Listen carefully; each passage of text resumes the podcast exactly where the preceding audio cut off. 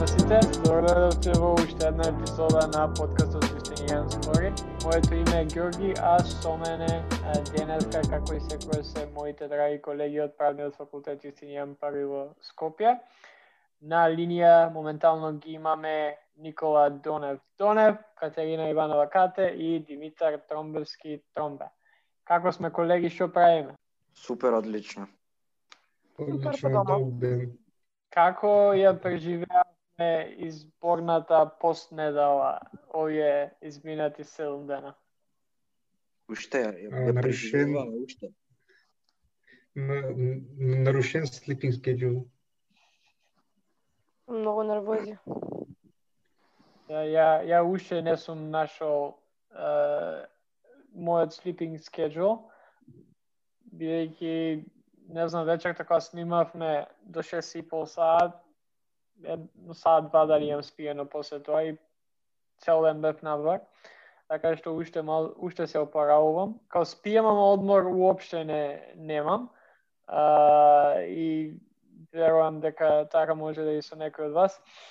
А, ај, Океј, вака да идеме прво. Супер епизода имаме оваа недела. Нема да збориме политика саат време, туку напротив ги имаме Боријан Ефтимов и Ангела Најдовска за гости да не одморат малце.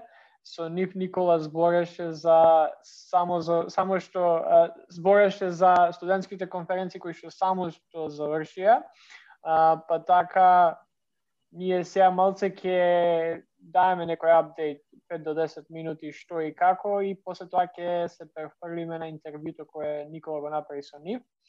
И ако сакате поеќе да да слушнете за изборите во Америка и нашите мислења, слободно слушајте епизодата која направивме со Фил а, и која излезе во неделата, таму саат и пол зборавме, така што доволно имате материјал од нас за изборите. Ја не знам за вас колеги, може да се убаците исто со коментар за изборите пред да се префрлиме на интервјуто, ама сакам прво да кажам како што точно се дешава во Америка. Као моментално целиот свет освен uh, Доналд Трамп, uh, Доналд Трамп, Майк Пенс, Путин и конзервативците во Македонија не, го- не ја признаваат победата на Џо Бајден.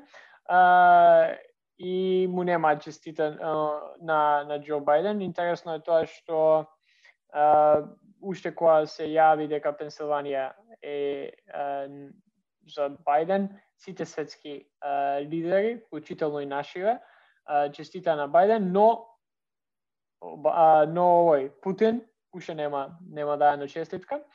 Инаку ситуацијата е следна во Америка.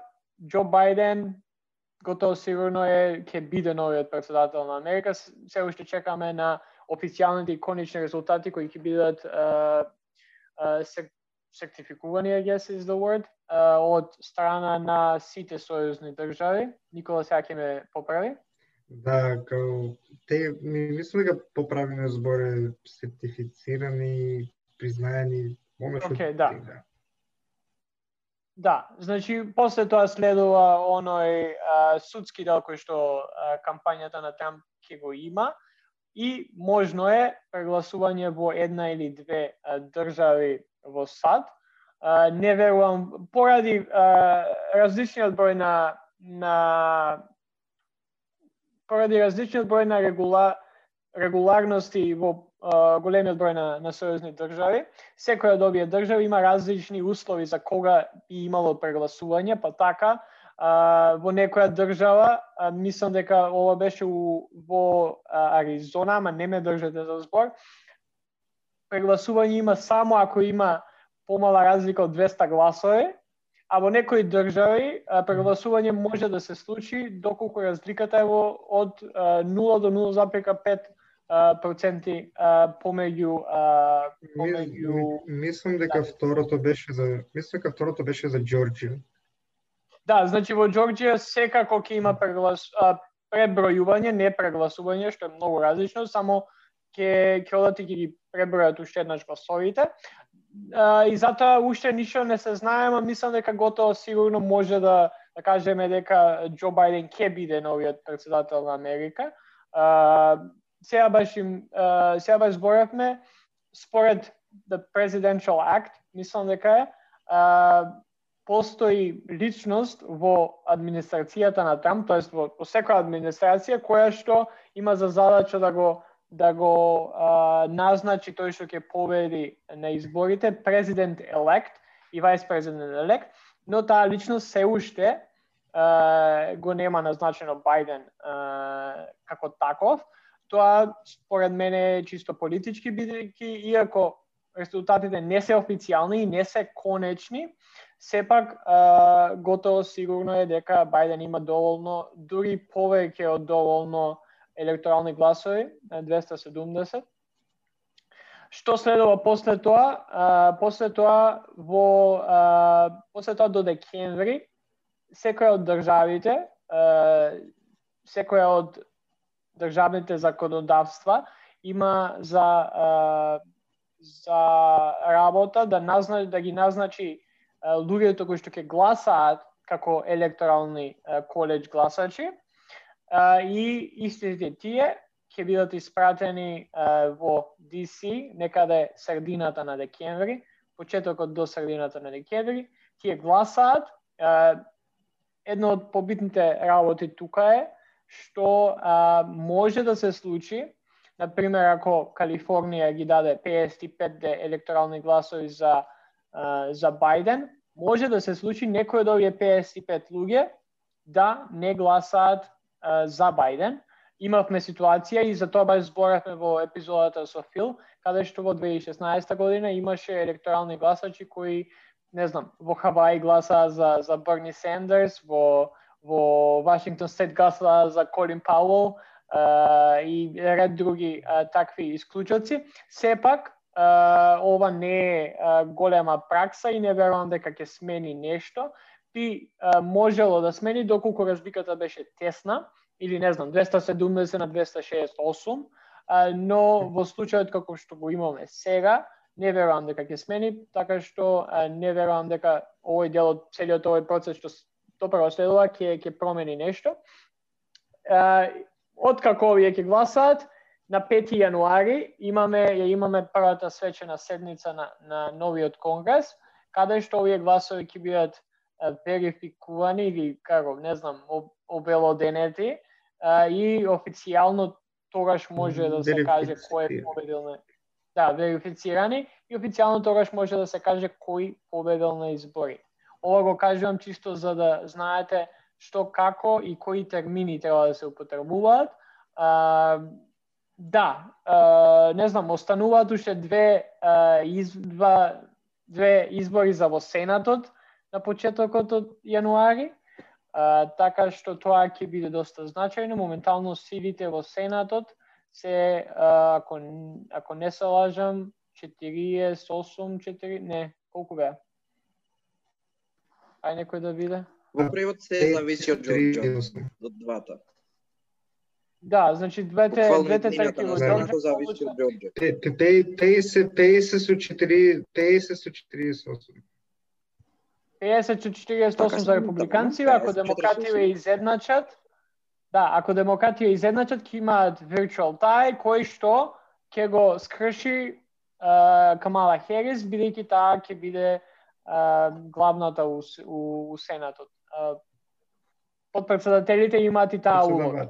Да. Uh, друго нешто, колеги, имате нешто што да кажете како некој коментар завршен за изборите, бидејќи мислам дека премногу зборавме за, за изборите на подкастов и на социјалните медиуми, така што ова може да биде завршно за...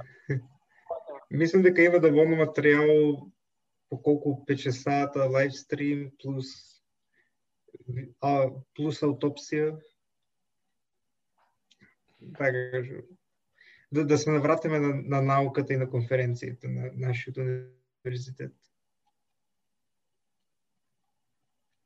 може Никола пошто ти го правиш интервјуто, ако нема некој кате и тромбе да додаде, да го најавиш интервјуто со со Боријан и Ангела, па да се префрлиме таму.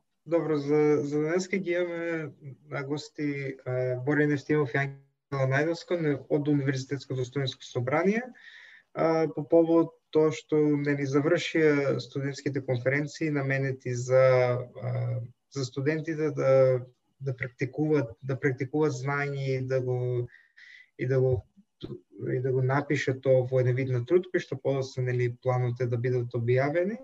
Со нив, со нив разговараме повеќе околу значењето на овие конференции, каде а, и каде овие конференции треба да да се насочат во иднина, со оглед на тоа дека а, некој ид, некој иден состав на студентското собрание исто така би требало да ги земе овие конференции и да работи со нив а, е многу а, екстензивно на нивно проширување, па дури и, и може би размислување за некоја меѓународна конференција.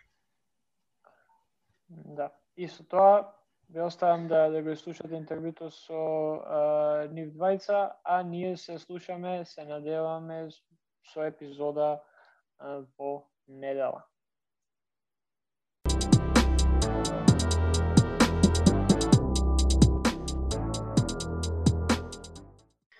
Здраво на сите што ме што ме слушате. Денеска а, денеска сушност некако е празно без Георги и Катерина и Димитар, но со а, но на голема но на голема чест ги а, го имаме Бори Ефтимов, председател на Универзитетското студентско собрание при при УКИМ, Ангела Најдовска, председателка на комисијата за за наука при УСС УКИМ бидејќи бидејќи во последниот период октомври беше некако посветен на на науката и на научните конференции кои што се организира на УКИМ и официјално мислам дека на 29 заврши последната. А, па па мислевме дека е редно време и да и да се слушнеме со Ангела и со Боријан околу тоа како како поминале а, самите конференции, така што може би Ангела како председател може да почне со со тоа како поминале конференциите? Um, благодарам на поканата. А, чест ми е што сум повторно, по не знам кој пат тука со вас. А, вака, успеавме да направиме пет конференции за време на COVID, светска пандемија, сега веќе кога бројките ескалираат на тилјада. Всушност, мислам дека координаторите повеќе би можеле да кажат како поминеле. Јас од страна на слушател и некој што само ги пази работите, можам да кажам дека супер помина. Јас сум екстремно многу задоволна од сите пет конференции. А особено ме радуваше тоа што и покрај релативно малиот број на трудови, генерално од петте конференции а, има груба бројка од 70 научни трудови, вкупно зборувам за петте, А, но и покрај тоа слушаноста беше голема на конференциите. А некои конференции достигна слуша, слушаност до 80 посетители, некои до 40, минимумот беше а, 30 слушатели по конференција, по сесија, што всушност за прва година ваков настан, пак ќе повторам во време на светска пандемија, каде што не е приоритетот ставен на студентски конференции, А, слушателноста беше многу голема. А, мислам дека се помина супер и се беше во најдобар ред. А, и се надавам дека и така ќе продолжат понатаму. Борин, како а, мислам, бидејќи ти повеќе работеше со нас на, на, на Ниске, како, како ти се чинеше конференциите генерално, но специфично бидејќи бидејќи сме колеги од правен, како, како нашата беше? Прво, благодарам за поканата и мислам дека мене ми е голема чест што што имам прилика да да се обратам на вашиот, во овој случај твојот подкаст. Стварно супер работа правите. А, во однос на конференциите нема се задржам толку на гледаноста, толку а, на преголемиот успех кој беше постигнат и се надам ќе продолжи понатаму, односно во време на светска пандемија незапамтена криза во нашите животи и прва година од мандатите на студентските собранија. Организационите одбори пред се заедно со Комисијата за наука успеа да организираат пет студентски научни конференции на кои имаше стотина трудови, би рекол, не можам, не знам точни бројки. 70. 70 трудови, но не само тоа, току земаа учество на обуките за академско пишување, за методологија, 300-400 студенти, може би и повеќе. Многу 70 на 80 луѓе учествуваа во организација на сите тие конференции, така што овие конференции произведува многу додадена вредност на нашиот универзитет. Како за организационите одбори, од аспект на искуство за организирање на, на вакви настани, особено во време на пандемија, а понатаму за студентите кои учествуваа, кои пишуваат трудови, се стекнаа сознаења за, пишу, за академско пишување, за научно-истражувачка дејност, беа потикнати да размислуваат критички, така и за целиот универзитет кој доби кој конечно не универзитетот, универзитетското студентско собрание заедно со организационите одбори им дадоа можност на студентите да да критички да размислуваат, да пишуваат и да го презентираат своето знаење. Од аспект на Нискеп, па, да, деумно, ете, јас учествував во организационот одбор, иако најголемиот дел од работата беше завршена од вас како организационен одбор и беше фантастично искуство, особено зашто имаше нели подобни падови, потешкоти за време на на организирањето, поготово што нас рече се сите од нас овој беше прво искуство, прво искуство во време на пандемија. Меѓутоа можам да кажам дека студентите на науки покажаа дека имаат жоба, сакаат и знаат да се занимаваат да творат, да се занимаваат со научно-истражувачка дејност, да пишуваат, да истражуваат, да критикуваат и да организираат. Се што треба да им се даде можност и соодветни услови а, и студентите се тие кои ќе го дигнат нивото на УКИМ. Ако владе латаргија во академска заедница, студентите може да ја разбијат таа. So, така што се надам дека ова ќе. Ајде, поле. Да, да, овде, овде само би го извлекал она дека студентите се сепак дел од академската заедница формално дали сушност овие научни конференции докажуваат дека ние можеме да да пристапеме на оној пидестал, да бидеме дел од академската заедница и да придонесеме кон кон општ научен развој. А, на универзитетот на генерално и бидејќи сепак е свртено кон општеството и кон тоа сите да не разберат преку науката. Ќе земам прв збор ако може Ангела. Може. Ќе го кажеш тоа што јас сакам да го кажам. Ајде Ангела. Ајде Не, не, не, не, не, појде.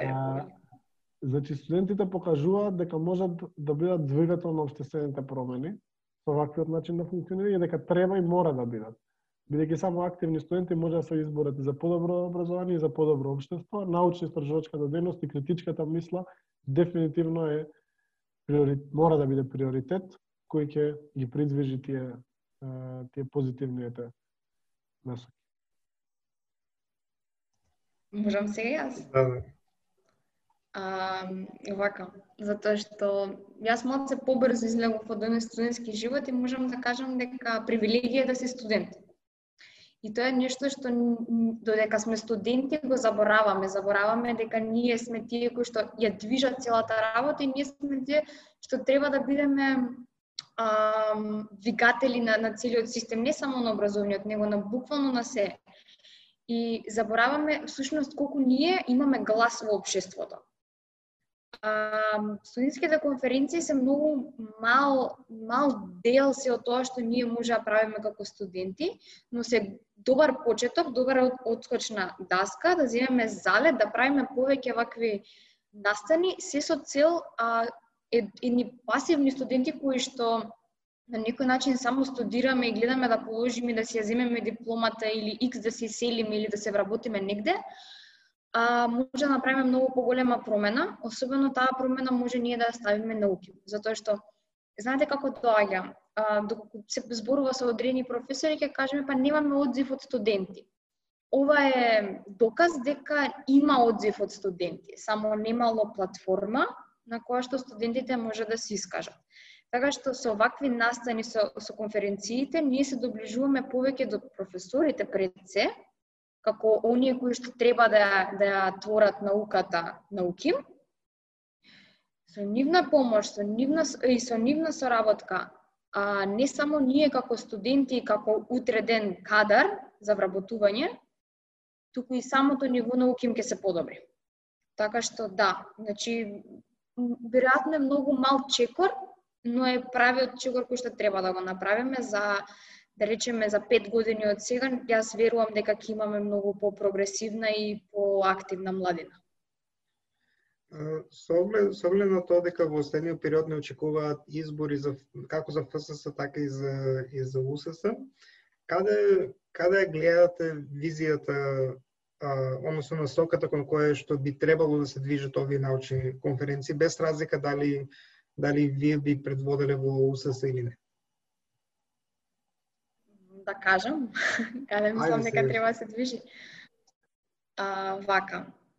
Како некој што е дел од креирањето на комисија за наука, а, можам да кажам дека очекувам според мојата проценка и според моето искуство во вакви работи, можам да кажам дека наредна година ќе имаме поквалитетни трудови, ќе имаме поголем број на трудови и поголема посетеност. А, лично сметам дека овие студентски конференции а, треба да станат меѓународни, на почеток регионални или нормално а, факултетите од а, соседните држави, а потоа да се прошират на повисоко ниво, дури и да се стави сама референца на самите конференции, но тоа е а од сега гледано за 5 до 6, па да речеме дури 10 години, затоа што прва година е И прв пат се случува ова кај многу голем дел од факултетите, не, не се навикнати на, на вакви настани, не се навикнати на, на творење на ваков начин, така што ќе треба ќе треба да помине време за да стигнеме до тоа. Јас лично не веројатно нема да да бидам дел од комисија за наука наредна на година, но тој што ќе ја наследи, искрено се надевам и дека ќе ја продолжи оваа традиција на конференциите. Затоа што колку што се добри за универзитетско студентско собрание, толку се пута 10 се добри за самите студенти. Маријан? Да, апсолутно ќе се сложам дека овие конференции треба да преснат во традиција на, на универзитетот и на факултетите кај што се организира и со текот на годините да растат, да добиваат и на научна тежина, да помогнат студентите од нашата држава да се поврзат со на меѓународно ниво е, и сето тоа да допринесе за зголемување на квалитетот. Со, со текот на времето како што ќе изминува, надежно и квалитетот ќе се зголемува на овие научни истражувачки конференции, ќе се зголемува бројот на трудови, ќе се потикнуваат студентите да учествуваат и од тоа може само универзитетот и факултетите да добијат, не можат ништо да изгубат. Така што дефинитивно овие конференции треба да прераснат во традиција, да продолжат понатаму, да растат, да се зголемуваат, да се етаблираат меѓународно. Па да видиме што ќе биде. Се надам дека и идните представници на студентите и професорите заедно ќе продолжат тоа што започна и што е квалитет.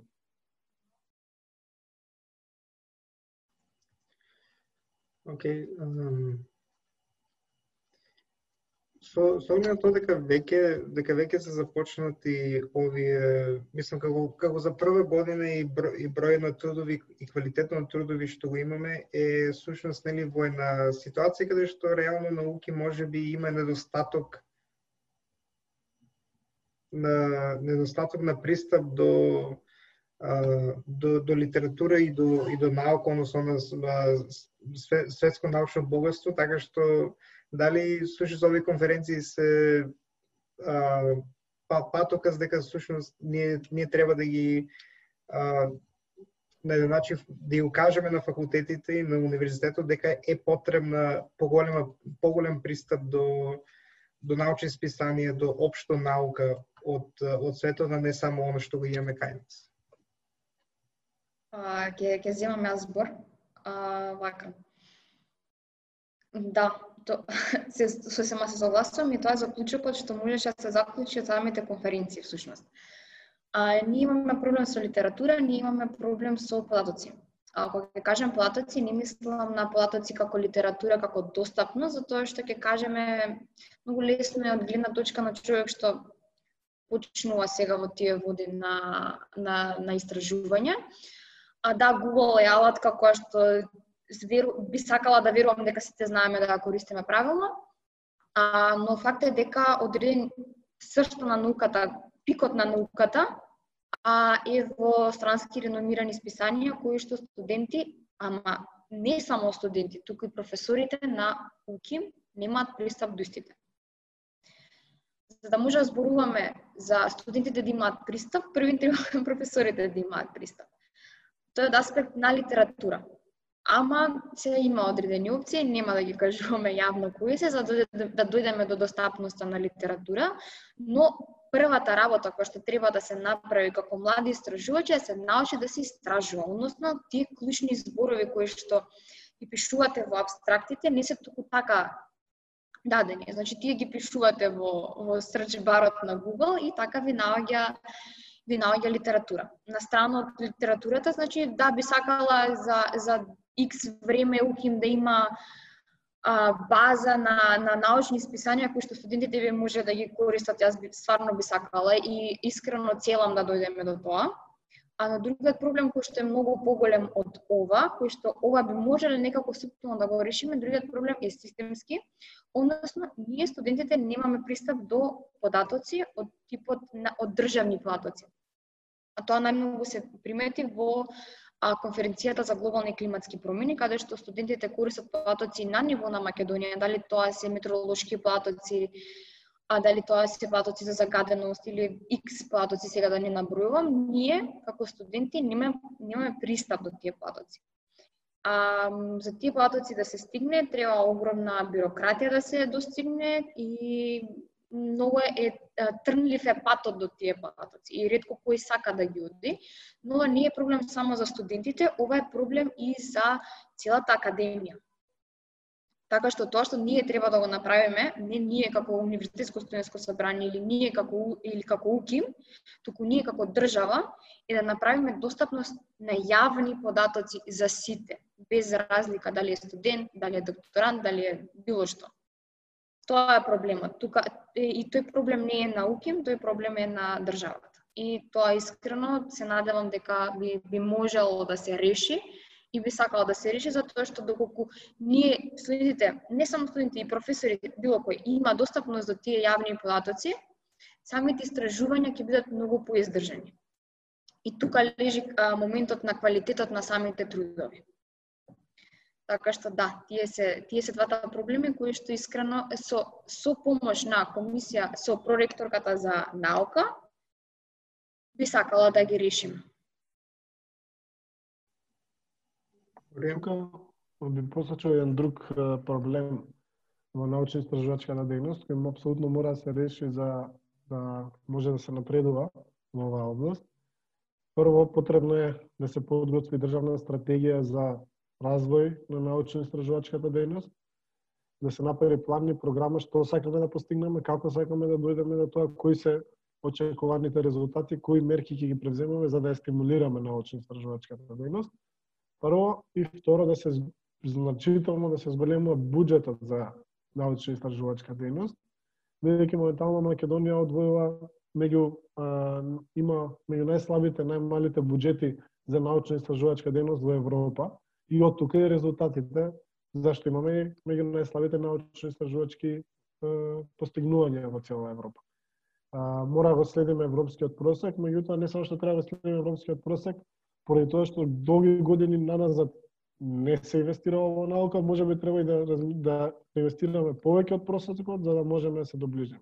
Значи, клучни се финанси, мора државата да финансира научно-истражувачка дејност, мора да има стратегија што, зошто и како ќе развива и трета мора да обезбеди инфраструктура за научно-истражувачка дејност, односно да се направи евалуација на моментално постоечките научни стражувачки центри и лаборатории и истите да се да се реновираат, да се направат нови, да се инвестира бидејќи без инфраструктура не може да има и научни стражувачка дејност. И како што кажа, ја литературата секако да не ја повторам.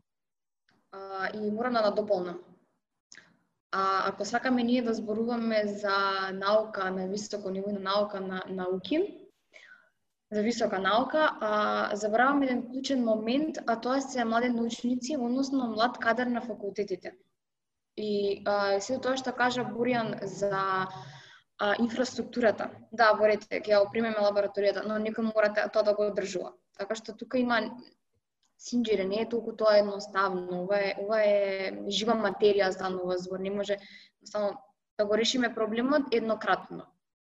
Ова е нешто што континуирано мора да се инвестира, но кога ќе почне да се инвестира, не смее да биде намал, намалено инвестирањето.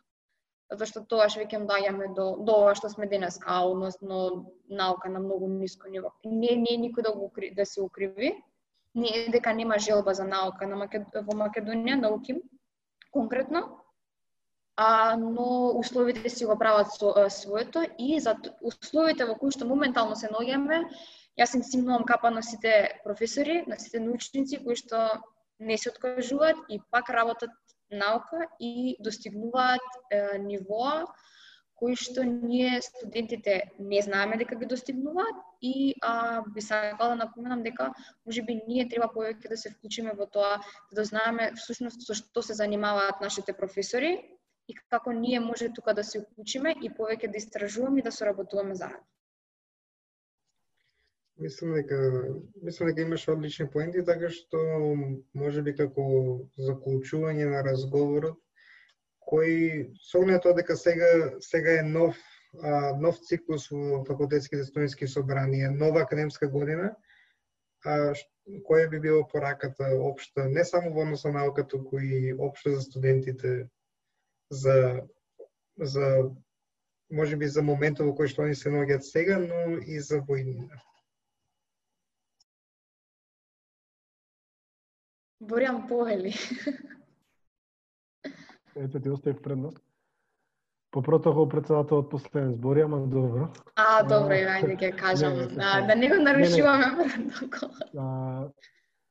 моменталната ситуација не треба да ги обесхрабрува студентите, токму напротив, треба дополнително да не мотивира, бидејќи никогаш не треба да да пропуштиме добра криза за да дојдеме до посекувани резултати кризата колку што не ограничува толку и не нуди нови можности, откако истото ќе заврши да се да да изградиме нешто ново, да напреднеме и да да се вратиме некаде што сме биле, туку далеко подобри од тоа. Така што студентските студентите мора повеќе да се вклучат во студентските представнички тела, мора да бидат поактивни, поангажирани доколку сакаат да се подобрат нивните услови за студирање, но не само тоа, туку и доколку сакаат позитивни обществени промени.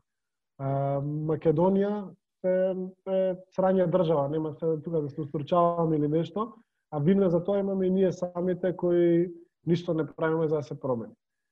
Не, политичките елити се само слика на, на, на граѓаните. А граѓаните се пасивни, незаинтересирани и инфантилни. Така што ние како студенти мора да бидеме носители на обществените промени, да станеме поангажирани, да придонесеме, да бараме, да се бориме, да креираме и да, да се избориме за подобро утре за нас и за сите останати. Бидејќи ако ние молчиме, политичките елити ќе продолжат да функционираат така како што функционира. Кога велам политички елити, не мислам само на во државата, туку и на универзитетот, и на факултетите, и на секаде околу нас. Значи, ако ние молчиме, срањата ќе продолжи. Um, Може би беше попаметно јас додам прва. а, но вака. А, се е стварна прецепција. Се, се од која го ја гледаме ситуацијата. Може да седнеме во пјош и да зборуваме дека не ни чини и да зборуваме дека пандемијата не гуши дека не може да издржиме. Ама може да излеземе да отидеме на другиот кјош и да фатиме да работиме. Не треба да се гледа пандемијата како пречка, како кочница, треба да се гледа како можност можно за ние да направиме нешто плюс во вакви услови и можност да се надоградиме.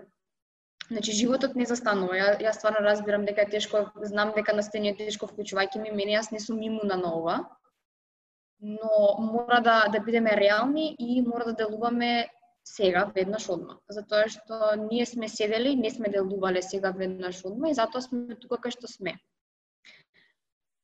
веќе кажав еднаш дека ние студентите забораваме која моќ ја имаме и кој глас го имаме и дека треба да сме ние тие двигатели на целата не само на образование, него на целата политика во оваа држава, затоа што колку и да излите на онаа фраза светот на младите останува, така е. Клише е затоа што е точно. Ама а, моментот е што не, ние сме научени да да чекаме некој нешто да ни даде. А, тоа што би сакала да го предложам, тоа да го посочам, е дека треба да се излегува од комфорт зоната, колку и да е ризично, без голем ризик нема голема добивка. А, знам дека е напорно, сум завр...